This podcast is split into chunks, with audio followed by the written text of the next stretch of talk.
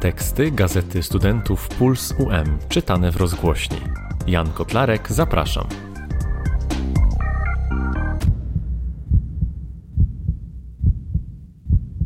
Dziś tekst autorstwa Claudii Cordus z grudniowego wydania Pulsu. Zimowe przyprawy o wielkiej mocy. Przyprawy znane są już nam od tysiącleci. To na ich handlu wzbogacił się król Salomon, za ich sprawą w wielkie wyprawy wyruszyli Krzysztof Kolumb czy John Cabota.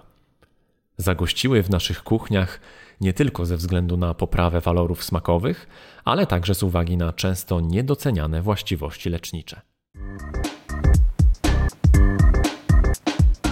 W starożytnym Egipcie używany do mumifikacji dziś podstawowy składnik zimowej herbaty cynamon.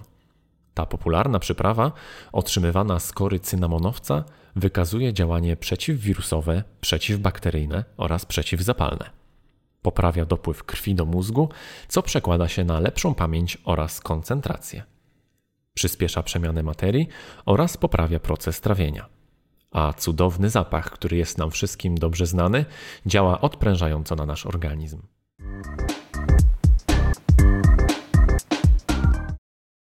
Pochodzący z Jamajki oraz od wieków stosowany w medycynie konwencjonalnej imbir zawiera całą gamę składników leczniczych. Bogaty w witaminę C, E oraz witaminy z grupy B stanowi cenny nabytek w naszej kuchni. Wykazuje właściwości przeciwbólowe oraz przeciwzapalne. Jego antyhistaminowe właściwości wspomagają leczenie alergii oraz ułatwiają oddychanie chorym na astmę.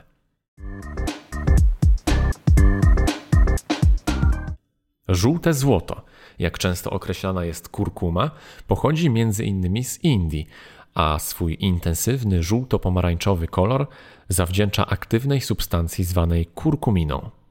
To właśnie ten składnik odpowiada za właściwości antyoksydacyjne, przeciwzapalne, przeciwwirusowe, a także przeciwgrzybicze kurkumy. Warto wiedzieć, że w medycynie indyjskiej kurkuma jest stosowana jako środek przyspieszający gojenie się ran oraz kojący niestrawność żołądka. Goździki to nic innego jak suszone pąki kwiatów drzewa goździkowego. Dzięki zawartemu w nich eugenolowi posiadają właściwości przeciwbólowe, które są szczególnie często wykorzystywane przy bólach zębów. Ułatwiają one zasypianie oraz regulują funkcję układu nerwowego.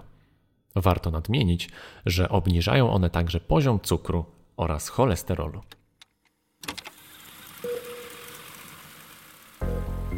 Sprawdźcie więcej tekstów na pulsum.ump.edu.pl. Kolejny artykuł w wersji audio już w przyszłym tygodniu. Zapraszamy też do śledzenia profilu rozgłośni na Instagramie. Do usłyszenia.